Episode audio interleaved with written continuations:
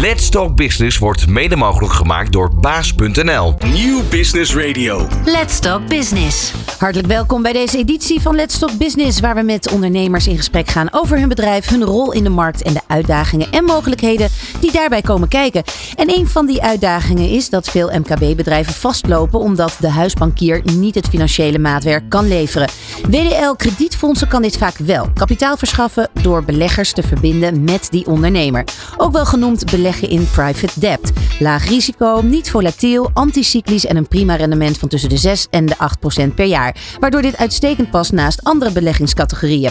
In deze uitzending van Let's Talk Business ga ik erover in gesprek met Bart van der Wielen, CEO van WDL Kredietfondsen. Deze bemiddelaar in MKB en vastgoedfinancieringen kent de markt voor geldleningen, de huidige geldverstrekkers en de mogelijkheden die hier liggen voor de beleggers. Want hoe is het om als MKB-ondernemer financiering, een bedrijfsfinanciering nodig te hebben? Tegen uitdagingen loop je aan en wat zijn de oplossingen? Maar ook, waarom moet je als belegger private debt in je portefeuille hebben? En hoe gaat de markt zich in 2024 ontwikkelen? Je hoort het allemaal in dit uur van Let's Talk Business. Ondernemende mensen, inspirerende gesprekken, innovaties en duurzaamheid. Let's Talk Business. Met Fabienne de Vries.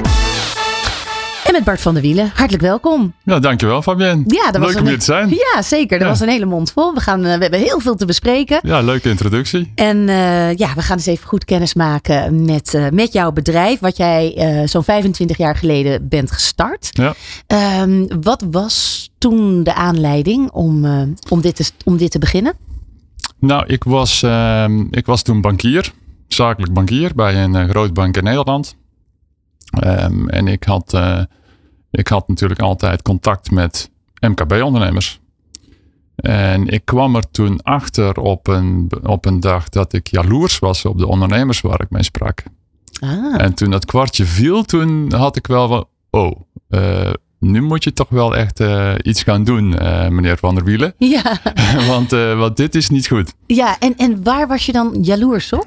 Ja, op, op die dynamiek, op, op dat bewegen, op eh, blijven bewegen op een markt en, eh, en zaken voor elkaar krijgen, zaken creëren. Ja, Ehm, ook dus de successen behalen. ook de successen behalen, ja zeker. Ja, ja, en de risico's. En, eh, want ja, dat komt er dan ook bij kijken. Ja, dus ja. eigenlijk toch gewoon wat, een wat grimmiger speelveld om in te werken. Ja, ja, Ja. zeker. En zit dat in de familie? Kom je uit een ondernemersgezin? Ja, ik, kom, eh, ik ben boerenzoon. Ja, Eh, mijn broer is ook nog steeds uh, melkveehouder. zuiden van het land, hè? In het zuiden van het land, ja zeker. Dat hoor je ongetwijfeld aan mijn tongval. Nou, een klein beetje. Ja, een klein beetje. Ehm, dus, dat, ehm, dus ik kom uit een, eh, uit een boerenfamilie. Ik, Ja. ja. ja, tussen mijn twaalfde en mijn 24ste toen ik het huis uitging, ja, was ik altijd op de, op de, boerderij, boerderij. te vinden. Ja, en dat is natuurlijk ook een bedrijf. Werd er aan tafel bijvoorbeeld veel gesproken ook over be- bedrijfsprocessen of eh, financieringen, uitbreidingen? Nam, nam, nam het gezin je daarin mee? Ja, dat, dat, werd wel degelijk gedaan. Redelijk operationeel, als Ja. ik zo achteraf denk. Ehm, maar één moment kan ik me ook wel herinneren dat ik als eh, 15, 16-jarige de jaarrekening eh, opensloeg die op tafel lag. Hè, want daar werd dan ook wel over gesproken. Ik zeg, eh, pa, gaat dit wel goed? Eh, want die winsten zijn wel heel laag en wij zijn hier met z'n allen aan het werken. Ja. En, ehm, maar goed, dat is vrij normaal. Ik wil een brommer en dat gaat zo niet lukken. Ja, nee.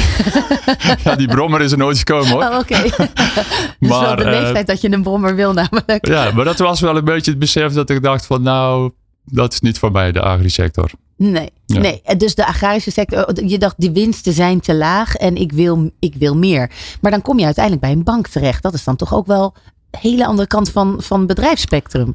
Ja, nee. De eerste zes jaar bij die bank heb ik eh, vooral en voornamelijk agri-klanten gehad. Ja, precies, precies. Dus dat is dan een soort eh, dakpansgewijze opbouw. en Ja. toen zag jij dus eigenlijk al ehm, van, van rond, hè, rond je 15e, 16e zag je al van hé, hey, wacht eens even. Deze ondernemers, de agrariërs, kunnen eh, veel meer groeien als er meer geld zou zijn. En vanuit de rol binnen de bank kon je dat verschaffen. Dus dat was heel Ja. vervulling op dat moment. Ja, ja, dat klopt. Ja. En toen op een gegeven moment was er een, een kantelpunt dat je dacht, ja, ik, ik wil toch ondernemer zijn. Nou, die agri-financieringen, dat vond ik op een gegeven moment best een beetje saai worden. Dus, eh, dus toen heb ik ook ehm, ehm, studies gedaan, bedrijfskunde.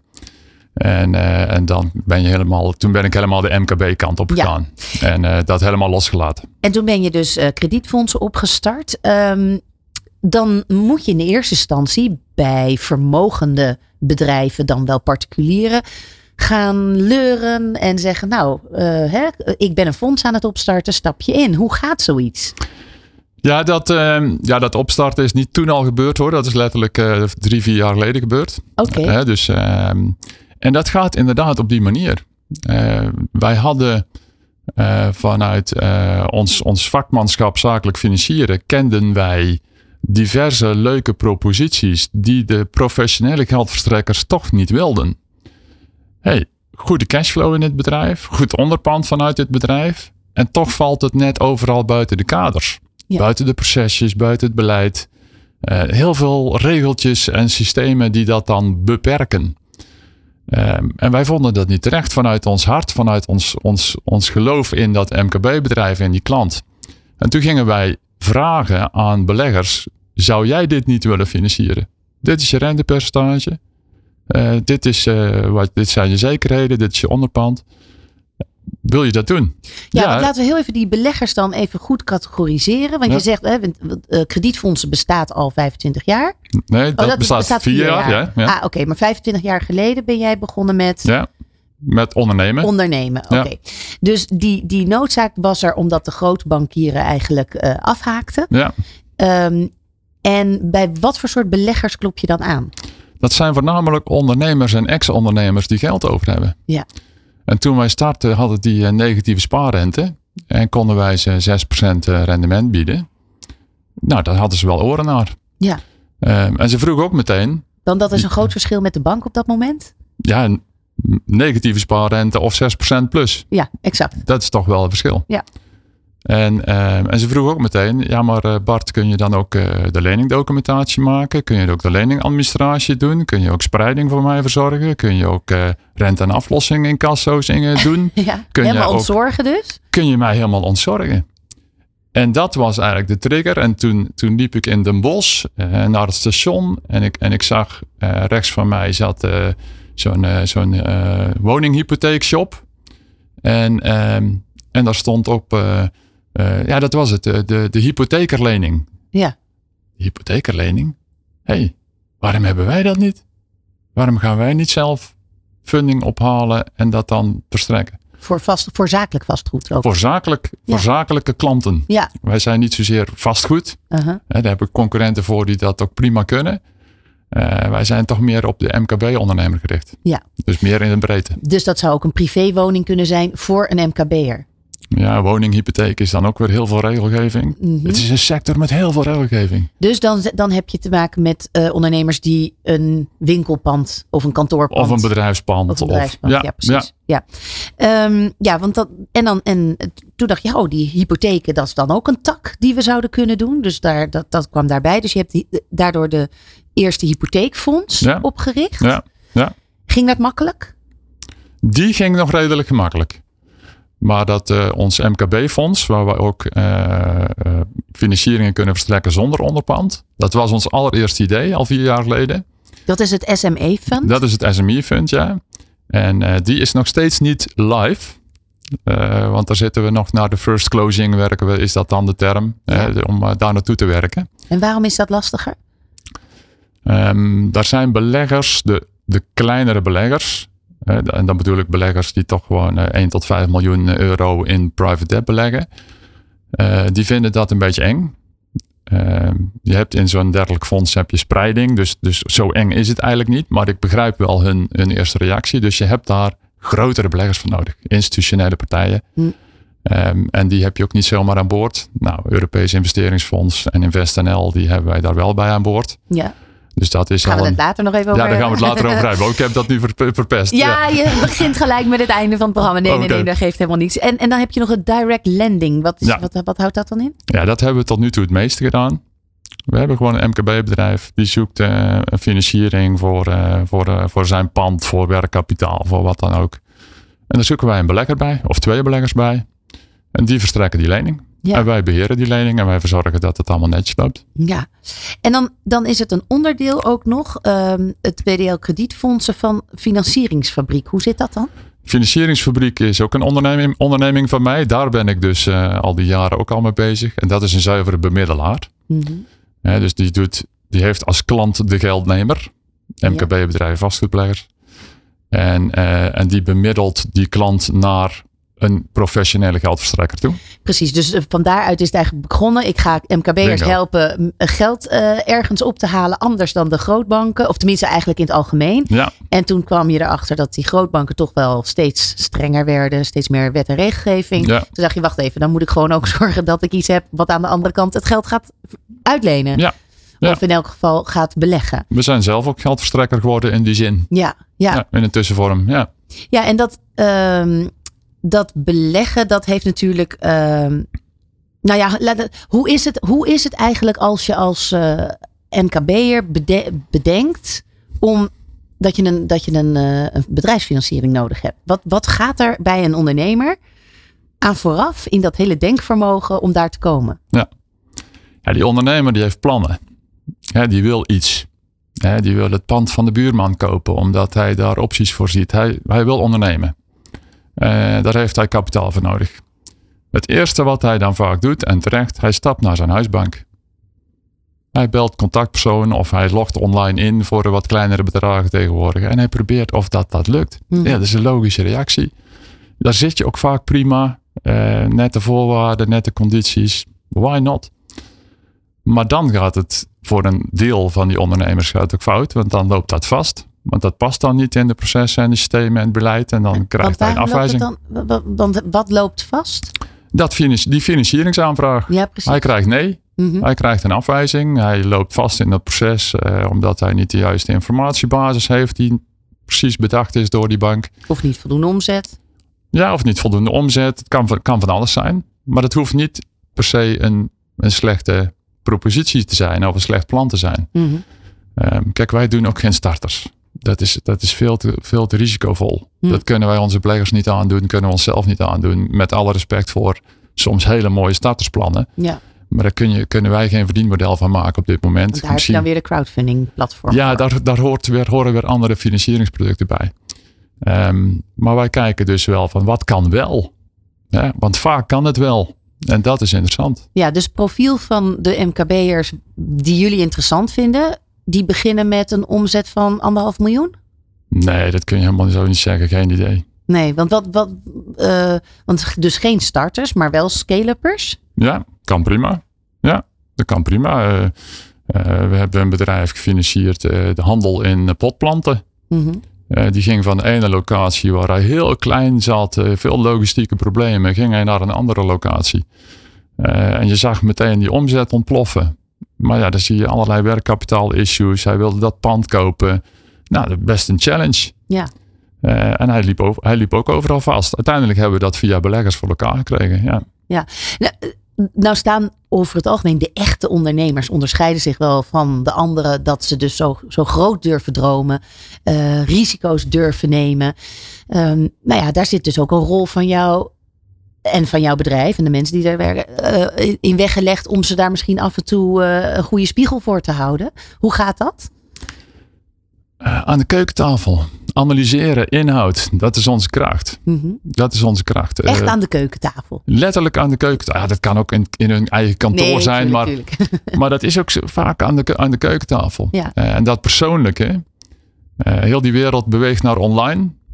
En wij, wij stappen in de auto en rijden daar naartoe. ja, precies. Praten met die mensen, in de ogen kijken. eh, vragen stellen. Hoe doe je dat dan? Hoe zit dat dan? Laat het zien. En kom je dan ook wel eens ondernemers tegen die wel dromen en groot willen dromen, maar die financieringsstap niet durven zetten? Dus je moet natuurlijk wel van, van eh, als, als ondernemer, je, je hebt een plan, je hebt een idee, je ziet het voor maar Ja. daar moeten flinke investeringen voor gebeuren. Ja. En dat, dat, daar dan, dat daar dan de zenuwachtigheid bij Ja. komt kijken. En hoe gaan jullie daar dan mee om? Eh, wij zijn niet de ondernemer. Mhm. Dan Ja. hangen wij terug. Ja, precies. Dus dan, dan, dan haak je eigenlijk af. Dan haken wij af. Ja. Als die ondernemer er zelf niet in gelooft dat hij het kan. En ja, wij zeggen wel eens ooit, is deze begroting niet te voorzichtig? Want jouw realisatie was dit. Ja. Eh, we, we hadden eh, een hotel hadden we laatst. Eh, flinke verbouwing, hotel, verduurzaming. Hè, dat is natuurlijk ook een belangrijke factor tegenwoordig. Ehm, En dan zag je die begrotingen en dan denk ik, ja, maar die hotelkamer die nu zonder airco en, en niet verduurzaamd en toch een beetje oudbollig en die helemaal vernieuwd, dan mag je best wel meer voor vragen dan, dan die 5 euro per nacht extra. Ja. En dat kan ook als wij naar de markt kijken. En dan zie je dat die ondernemer toch wel heel, uh, heel voorzichtig uh, denkt en, en praat. Ja. Uh, maar dan hangen wij toch een beetje terug, want wij, wij gaan dat niet realiseren daar. Wij zijn maar financier. Ja, precies. En als een bedrijf bij jullie komt die eigenlijk tegen een faillissement hm. zit, hm. Hoe, hoe, hoe wordt dat dan begeleid? Um, dan kan je dus niet terughangen, als het ware. Want er moet misschien wel juist geïnvesteerd worden. Of om weer op te stijgen. Of om de, het faillissement goed af te ronden. Als het, een klant, als het geen klant van geen ons is. Geen beleggers dan, dan natuurlijk. Nee, als het geen klant van ons is. Dan gaan we er op dat moment ook geen klant van maken. Nee. Want dat, dat, is, dat is toch heel veel gedoe. Mm -hmm. um, en dan gaan we liever toch bezig met klanten waar, die die financiering gewoon netjes kunnen betalen. En waar we geen gedoe hebben. Ja.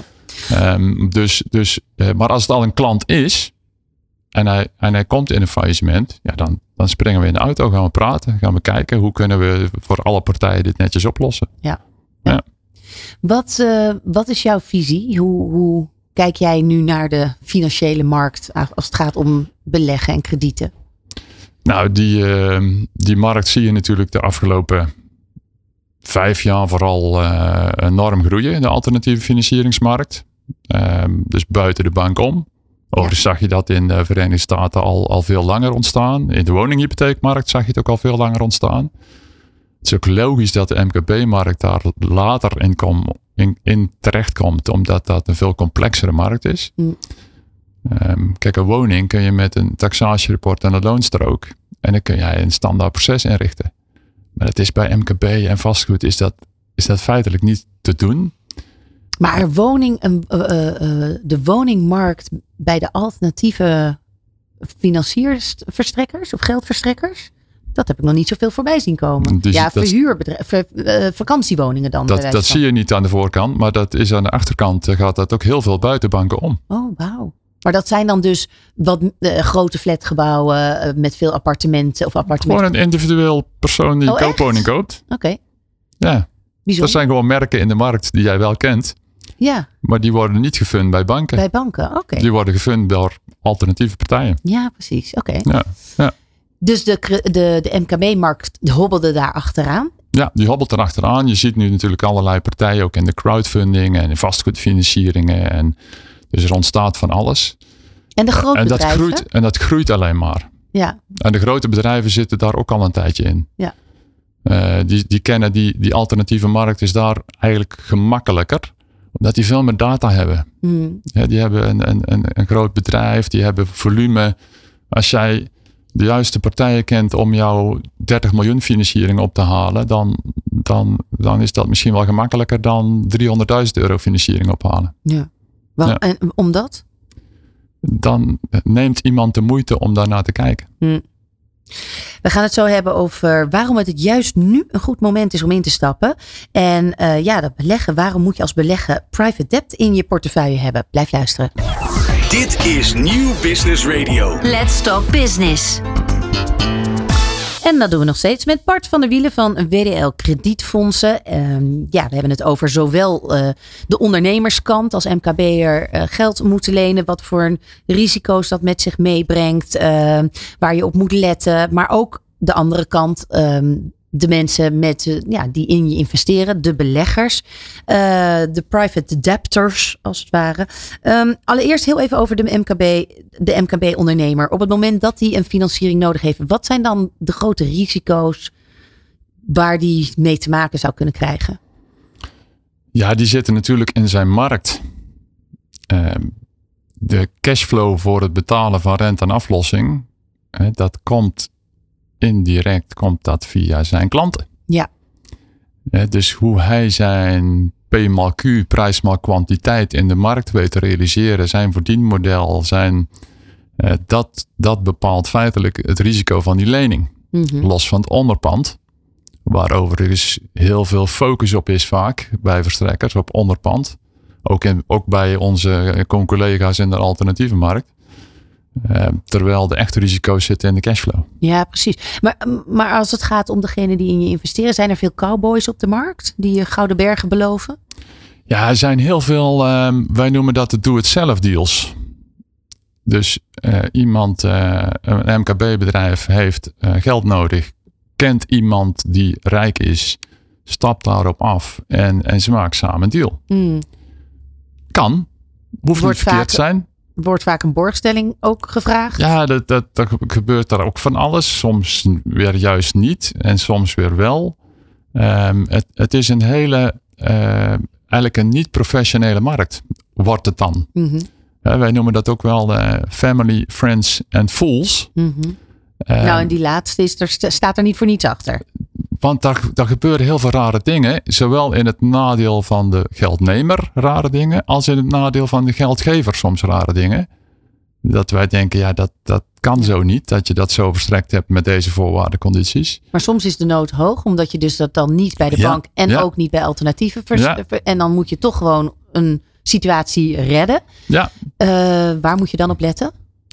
ja zorg als geldnemer. Zorg dat je meerdere opties hebt. Hmm.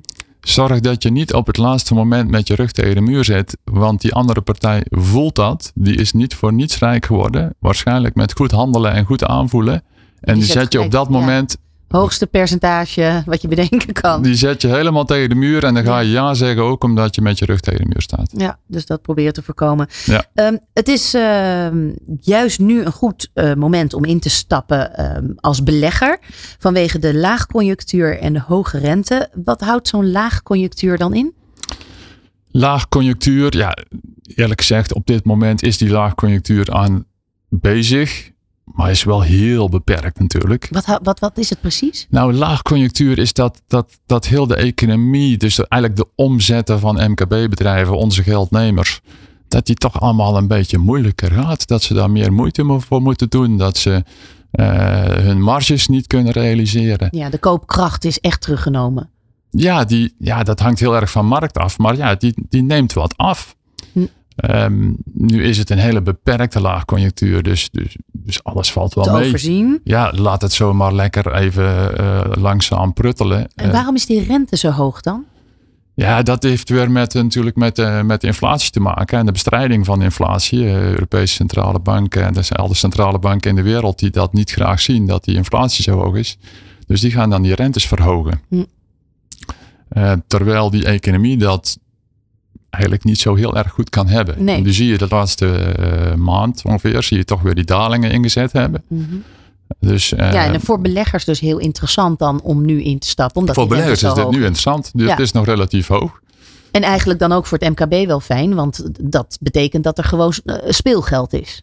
Ja, er is, eh, er is zo ruimte. Er is, het is interessant voor beleggers om nu in te stappen. En dus ook voor MKB-bedrijven om toegang tot kapitaal te krijgen. Dus als je een droom hebt of je wil groeien en je hebt het na corona weer een beetje op orde, dan is dit het moment om Ja. door te pakken eigenlijk. Ja, ja. De- je betaalt iets meer dan bij een bank. Ja. Maar ja, zo, zo groot is dat verschil ook niet meer.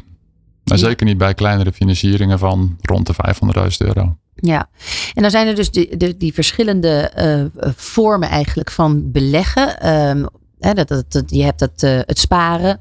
Eh, misschien is het wel even leuk om door die verschillende Ja.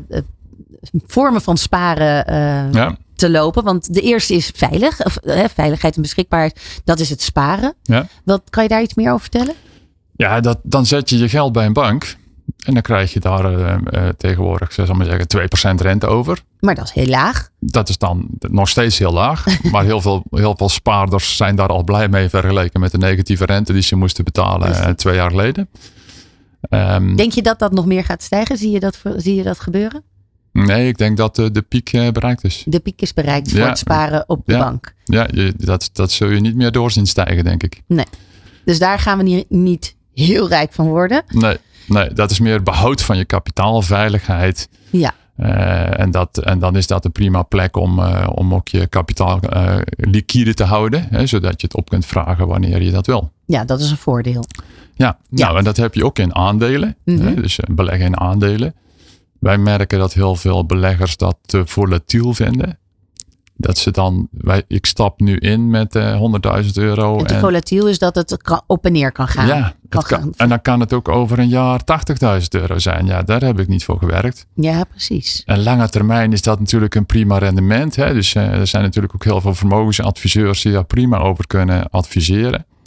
Uh, wij doen dat niet, adviseren over hoe een belegger zijn vermogen moet inrichten. Ik kan me herinneren dat bij mijn geboorte volgens mij mijn ouders inderdaad een aandeel KLM en Shell en zo, zo van nou weet je, want dat zijn, van de, dat zijn de ja. grote bedrijven die staan daar als robuust ja. in uh, Nederland, dus dat, ja. is, dat is oké. Okay.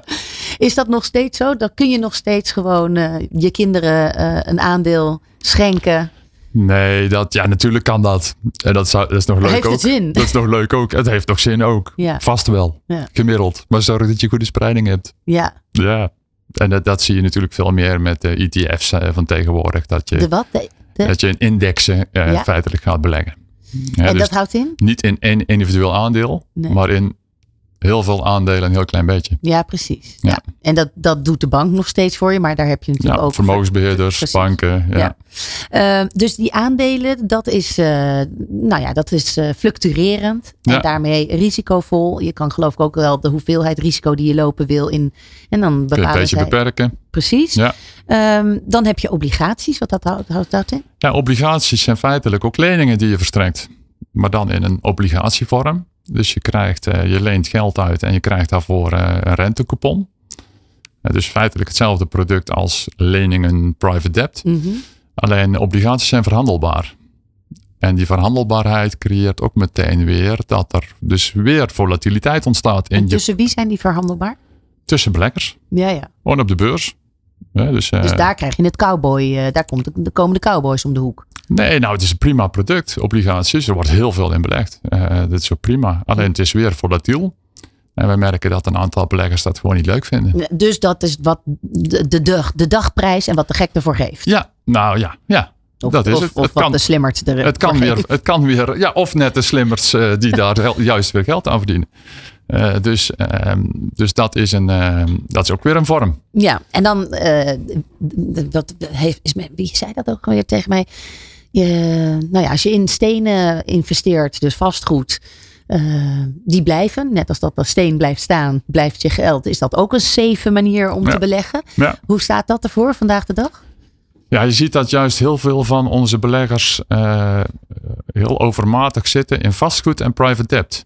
Want dat zien ze als heel stabiel, als niet volatiel. Hmm. Die blijven een beetje juist weg bij aandelen, obligaties. Um, en die, die hebben Want de dan... waarde van een huis zakt niet zo snel. Of daar kun je nog een soort van, als je een trend ziet, op tijd ja, bij zijn. Ja, en daar kan ik naartoe rijden. En ik kan zien dat dat huis er staat. En ik kan, ik, ik kan met die huurder praten. Ik heb er gevoel bij. Ja, want wat is dan de, de diversificatie van, van die vorm van beleggen? Ja, wij praten veel met vermogensadviseurs. Uh, die dan, zal maar zeggen, hun klanten ook private debt een stukje in hun portefeuille uh, willen adviseren. Uh, ja, want wacht, dus wacht even, divers... dat, zijn, dat, dat, zijn twee dingen. Wat is precies dat private debt? Nou, private debt is dus dat je belegt in leningen aan het MKB. MKB of wat voor partijen dan ook. Dus dan heb je echt gewoon letterlijk een lening die jij verstrekt. Of jij stopt geld in een fonds die leningen verstrekt. Hm. Um, en dat zie je vaak dat dat niet verhandelbaar is. Ja. En dat is een nadeel. Dus je kunt je geld niet opvragen. Het zit vast. Het zit vast. Maar het is ook een voordeel, want daardoor is het niet volatiel. Ja, daardoor heb je wat meer, minder schommelingen en meer zekerheid. Ja, je hebt Voor de lange termijn. Je hebt gewoon, je weet nu al, oké, okay, ik doe nu uh, 1 miljoen euro uh, verstrekken in een, uh, in een fonds. En dan weet ik dat ik gewoon per jaar daar 62.500 euro op aan krijg de komende vijf jaar. Ja. Ja. ja, dat staat gewoon vast. Precies, dus dat is, dan is het wel liquide. Over moment... vijf jaar wel weer. Ja, ja precies. Ja. ja. Um, dus die private debt, dat is nu ook wel. Uh, de, de, die, die rendementen die zijn voorspelbaar. Is, zie je dat ook gewoon. Uh, of heb je dat de afgelopen jaren zien veranderen door data verzamelen, uh, maar ook misschien wel door AI? Is dat, speelt dat daarop in? Is, is daarop in te spelen? Ja, ik bedoel, als er een oorlog morgen uitbreekt, hebben we weer het stond aan de knikker. Maar ja. wat nou, zie dat, jij daarin? Um, ik vol, wij volgen dat natuurlijk heel uh, nauwgezet, data, uh, AI. Um, gebruiken ook uh, riskdata modellen. Um, dat doen we goed.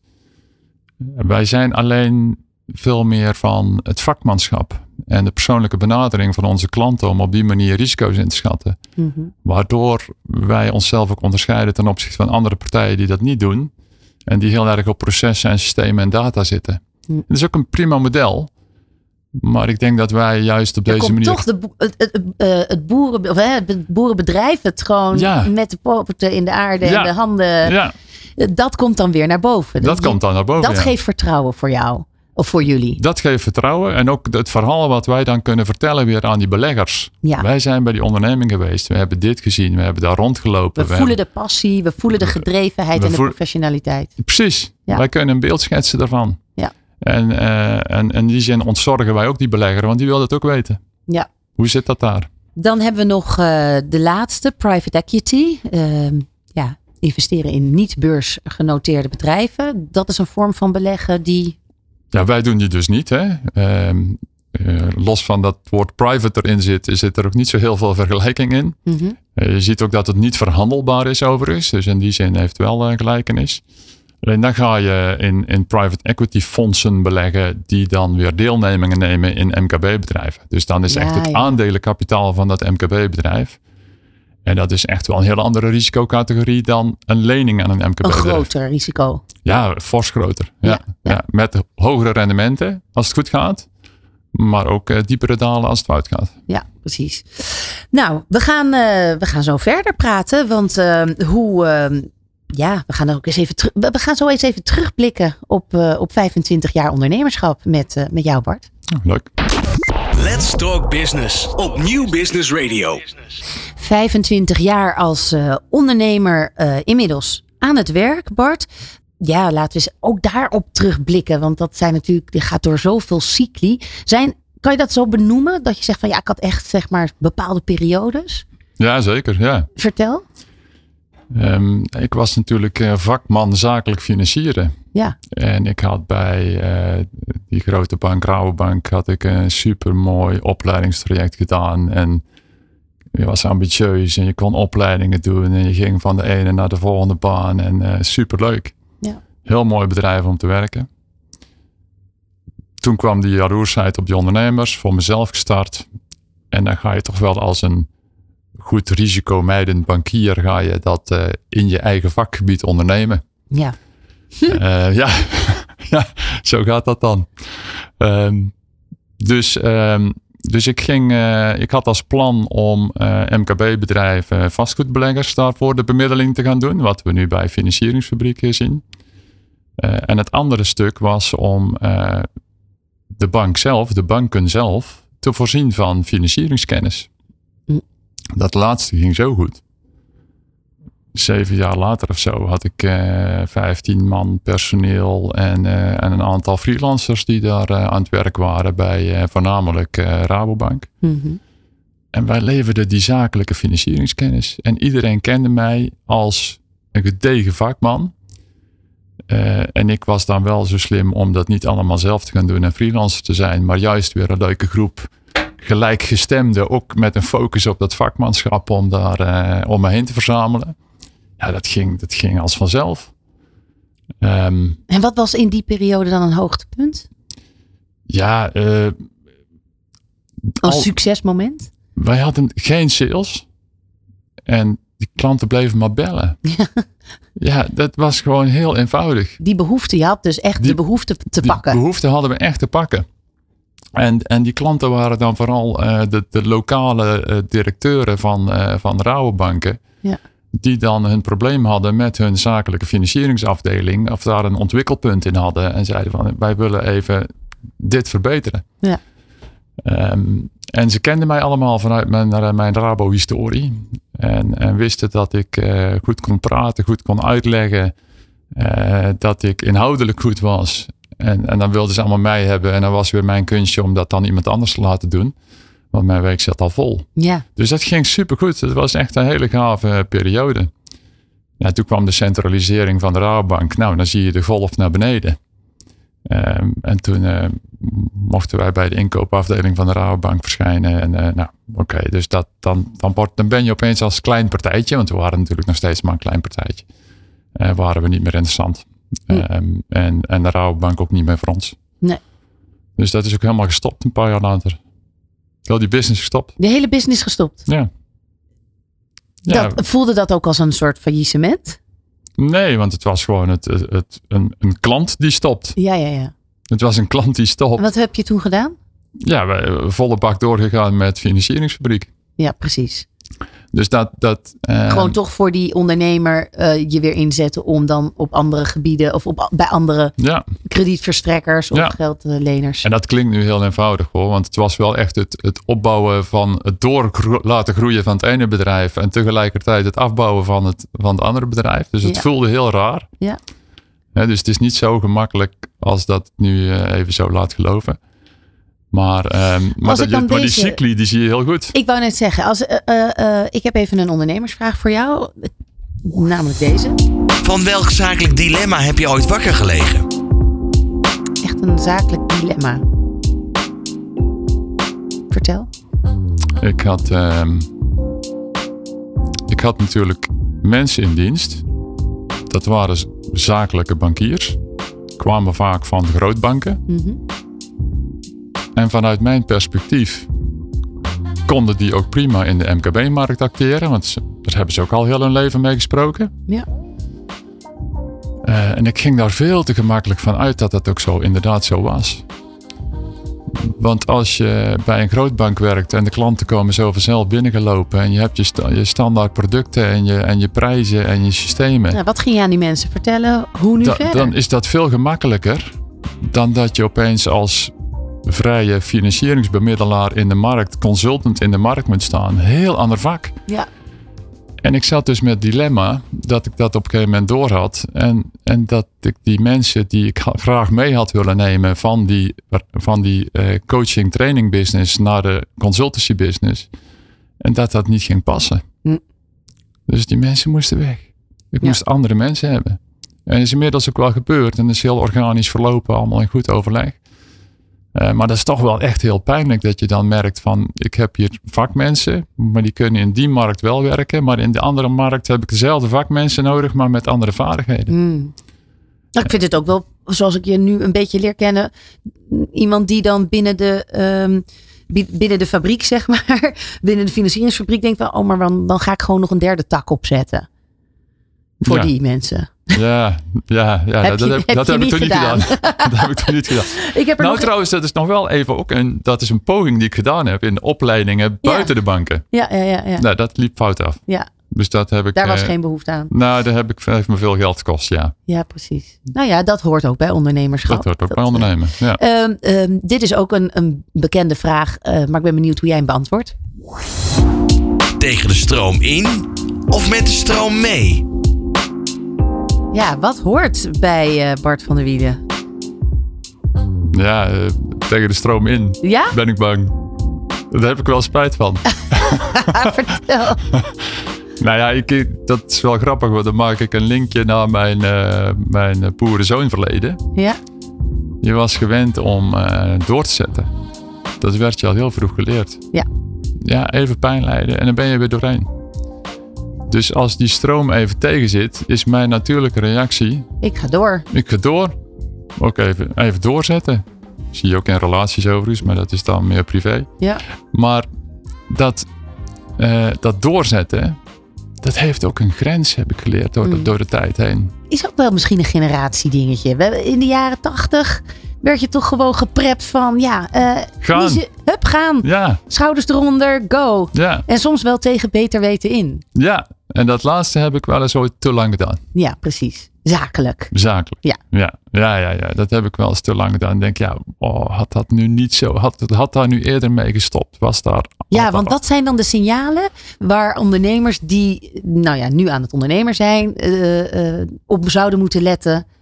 Dat ze daarin niet over hun grenzen gaan of dingen te lang door laten sudderen of lopen. Op welke, Ik- welke ik zie- signalen? Ik zie veel ondernemers die lopen te pruttelen. Hmm. Dus die hebben een verdienmodel, die hebben een markt, die hebben een organisatie, die hebben een team, die hebben. En die verdienen geen geld. Hm. En het kan niet. Je, je moet, om, om continuïteit te creëren, om als ondernemer zelf lekker in je vel te zitten, om als team lekker in je vel te zitten, moet er wel geld verdiend worden. Anders heb je geen toekomst. En heb je, ga je mo- moeilijk door het leven heen. Dus we Mhm. zien, ik zie te vaak ondernemers, wij wijzen ook heel veel af. Hè. Hmm. Echt niet. dat- Niet onaardig bedoeld, maar wel. Maar Ja. dat betekent dus dat, eh, hoor ik jou zeggen, ondernemers moeten continu blijven tweaken aan hun, Ja. aan hun verdienmodel. Ja. Continu zichzelf opnieuw blijven uitvinden. En als je alles al In geprobeerd hebt, beweging blijven. als je alles al geprobeerd hebt en je hebt daar andere mensen ook naar mee laten kijken. Ja. Van wat kan ik nu doen om het verdienmodel te verbeteren? En twee jaar later is het nog steeds niet gelukt. Stop er dan mee. Er moet groei in de omzet blijven. En Nee, het hoeft geen groei te zijn. Maar je moet onderaan de streep gewoon goed geld kunnen verdienen. En, En- je hoeft niet rijk te zijn, maar je moet wel een normaal inkomen kunnen verdienen. En daar een plusje bovenop om toch langzaam je organisatie te laten ontwikkelen. Ja, en op, Ja. op het moment dat dat stagneert, langer dan twee jaar, dan gaat er iets mis. Groot signaal. Ja, precies. Groot signaal. Dan moet je iets doen. Ja. Ehm, nou hebben jullie eh, onlangs eh, zijn jullie eh, met Ad Huisman in zee gegaan. Althans, hij is Ja. bij jullie eh, aangesloten. Ja. Een, een, een belangrijke samenwerking. Ja, dat. ehm, kijk, wij zijn als team eh, WDL natuurlijk lekker aan het bouwen. Ik vind het ook heerlijk. ehm, ik ben nu al die tijd al ondernemer. Maar ik heb mezelf nog nooit zoveel ondernemer gevoeld als de laatste twee jaar, de laatste twee, drie jaar. Ehm, en dat team bouwen met allemaal verschillende kennisgebieden.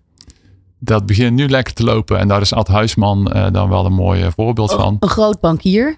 Ja, heel veel ervaring eh, in de markt. Eh, eh, hij is al wat ouder. Maar goed, dat zijn, ben ik ook eigenlijk. en, maar hij heeft energie van een 18-jarige. Dus dat is echt fantastisch. Ja, want wat is zijn opdracht vanuit, vanuit jullie? Ja, wij zijn natuurlijk ehm, zakelijke financieringsvakidioten, zeg ik wel eens ooit. En wij praten ook met beleggers. Maar dat doen we er een beetje bij. We hebben er eigenlijk geen verstand van. Hm. Ja, over ons vakgebied wel. Maar over wat die belegger allemaal beweegt, hebben wij toch een beetje geleerd gaandeweg. Mhm. Maar je moet 10.000 vlieguren gemaakt hebben in iets om echt te zeggen dat je dat goed begrijpt. Hm. Nou, dat heeft Ad Huisman gedaan in, eh, in die investormarkt. Eh, want hij werkt daar al heel zijn leven in. Ja, want wat gaat hij dan, wat gaat hij, eh, de, wat is zijn, althans, ja, meerwaarde gaat dat zijn voor de beleggers? Dat hij die taal spreekt, dat hij die markt kent, dat hij eh, netwerk voor ons kan openen. Maar dat die belegger ook het gevoel heeft van, oh, hier zit iemand die eh, niet alleen private debt snapt, maar ook daar veel breder mee eh, naar mij kan kijken. En ook snapt hoe dat moet passen in mijn portefeuille. Ja, dus er is in één keer een stuk extra fundering. En dat wat, hè, wat ik jou ook vandaag hoor zeggen. Als wij met bedrijven in zee gaan, dan willen we dus dat ehm, eh, die deskundigheid en dat vakmanschap en de kennis en de passie willen we allemaal weten en horen. En die heb je nu eigenlijk ook met hem, los van jullie zelf, Ja. een extra fundering gegeven. Ja, Ja. Mooi. Ehm, een ander iets wat leuk is, is ehm eh, WDL is een van de weinige bedrijven die geselecteerd is door InvestNL en het Europees Investeringsfonds om eh, via Dutch Alternative Credit Instrument het MKB-bedrijf te, finan- eh, of MKB-bedrijf te financieren. Dat is een soort van, ja, hoe zullen we het noemen? Ja, een nou niet een diploma, maar een keurmerk. Zou, Ja. zou, zou ik het zo kunnen zeggen? nee, ook niet. Maar, Nou, ook niet. maar ik snap Jullie dat je het zo noemt. toestemming Ja. eh, ge- ge- gekregen. Jullie zijn geselecteerd. Hoe is dat gegaan, die selectie? Ja, wij heten WDL Kredietfondsen. En eh, dit MKB-fonds, dat was ons allereerste idee. Ja. Eh, inmiddels zijn we drie jaar verder en het MKB-fonds eh, is nog steeds niet live. Ehm, omdat we eh, daar ook wel grote institutionele partijen bij eh, nodig hebben. En we hadden daar dus ook cornerstone investors voor nodig. Ja. En eh, partijen als eh IJF en InvestNL die zien dat, ehm, dat die MKB-markt qua financiering slecht ontsloten is. En dat die beperkte toegang tot kapitaal in dat segment tussen 2,5 ton en 2,5 miljoen financieren, eh, dat ze daar iets aan moeten doen. Dus ze steunen graag dit soort initiatieven. Dus Dat- dit is winst. Dit, althans, dit opent deuren eigenlijk. Dit opent deuren voor de MKB-bedrijven. Eh, maar geeft ook heel veel vertrouwen voor andere beleggers die daarmee in dat fonds willen stappen. Ja. ja, want jullie hebben inmiddels 90 leningen verstrekt, maar liefst eh, 47 miljoen eh, ehm, ja, gefinancierd als het ware. Met een eh, loan-to-value van 65 Ja. Ik heb begrepen dat het alles onder de 75% goed is. Ongeveer. zo, of, Ja, jij, jij kijkt me aan zo van nou, nou.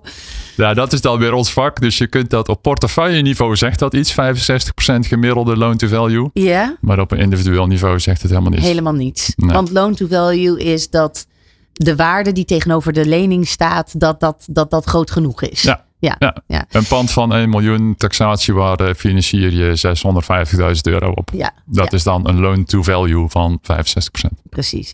Ehm, maar goed, de, de, de hele expansie nu dus ook naar gro- het grotere bedrijven, dus ook Europees. Dat is wel echt ook een trend die je ziet bij MKB-bedrijven die willen groeien. Maar dus ook met de, eh, nou ja, binnen de financieringsmarkt. Ja, ja dat zie je zeker. Ehm, wij, eh, wij zijn wel voornamelijk denk ik opgesteld voor de MKB-markt. Dus altijd zal wel 2,5 ton, 2,5 miljoen, daar zal wel onze sweet spot liggen. Ja. Maar ook daarboven zie je eh, allerlei financieringsaanvragen die eh, vastlopen in reguliere trajecten. Eh, dus daar hopen wij wel echt met, met fondsen klappers in te kunnen maken. En ook echt die waarde toe te kunnen voegen om het wel voor elkaar te krijgen. Ja. Want ook daar lo- lopen ze toch, MKB-ondernemers, tegen dezelfde problemen aan. Ehm, 2024. Wat voor een. Kan je in één zin omschrijven wat voor een soort ondernemersjaar dat gaat worden? Ja, voor ons heel spannend. Want? Ehm, wij, ehm, wij zitten nu op een, op een volume van ongeveer eh 4, 5 miljoen per maand.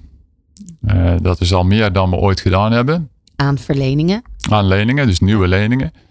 Eh, en door die fondsen die we opgericht hebben en ook dat SME-fund, eh, moet dat naar 10 miljoen per maand. Ja. Ehm, dus dat is Ja, dat moet ge- ge- gevuld gaan worden. Dat moet gevuld gaan worden. Dus daar ben je ook eh, veel tijd mee kwijt om, eh, om die markt ook te benaderen. Om eh, alle beide kanten van de markt. Dus en de geldgever en de geldnemer. Ja. Ik zeg ook altijd, daar moeten twee keer iets verkopen. Ja, want voor de belegger, wat, wat voor een jaar wordt het dan voor het, ja, 2024 voor de belegger? Ja, ja al die al andere beleggingscategorieën, daar blijf ik dan weer even van weg. Ja. Ja, ik heb daar wel persoonlijke meningen over, maar ik weet het niet. Hm. Ehm, Dus eh, private debt is daarin eigenlijk de meest safe. Nou ja, even los van sparen. Ja, private debt is een eh, super safe eh, eh, manier van beleggen, mits je het goed managt. Hm. Ja, dus de, de family, friends en fools categorie, daar zie je allerlei uitwassen in. Dus, dus je moet dit wel goed selecteren uit die markt. Dat is ook precies, ja, nu zit ik een verkooppraatje misschien te doen, dat wil ik niet, maar, maar je moet Je moet goede vakmanschap, je moet vakmanschap hebben om, om dat goed uit de markt te kunnen selecteren en te structureren en te documenteren. En als je dat niet kunt, blijf er dan van weg, want dan kan het nog wel eens Ja. heel vervelend uitpakken. Maar het wordt wel ehm, een trend in elk geval die jullie mm, willen gaan, zo gaan sturen ook. Ja, wij hebben eh, onder andere door dat SME-fund zijn wij veel meer ook in contact met eh, de grotere institutionele partijen. Dus voor ons is 2024 ook wel onze voor- toegang, onze toegang tot kapitaal. Hopen we daarmee wel een, een, een, ja, een, een, goede, goede ingang te creëren. Dat er een aantal partijen eh, ook met ons eh, gaan samenwerken. Een SME-fund, dus het Small and Middle ehm, Enterprises. ja, dat is het. Is ja. al gelijk natuurlijk de naam alleen al eh, riekt naar expansie naar, naar Europa en internationale samenwerkingen. Ja. Ja. Ehm, we hebben nog maar heel kort, dus ik ga nog een laatste eh, ondernemersvraag snel aan je eh, voorstellen. Namelijk deze. Waar krijg je kippenvel van? Nou Bart, waar krijg jij kippenvel van? Ondernemingswise.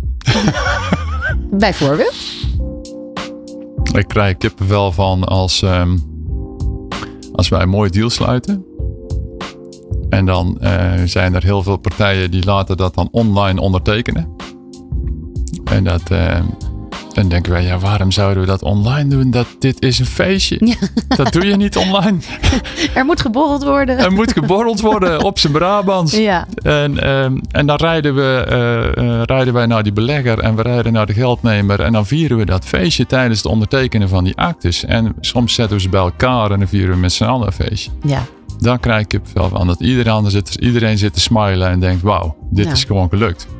Top. Ik, eh, ik hoop dat dat M, eh, het SMI-fund eh, ontzettend mooi gevuld gaat worden dit jaar. Dat het een succesvol 2024 voor jullie wordt.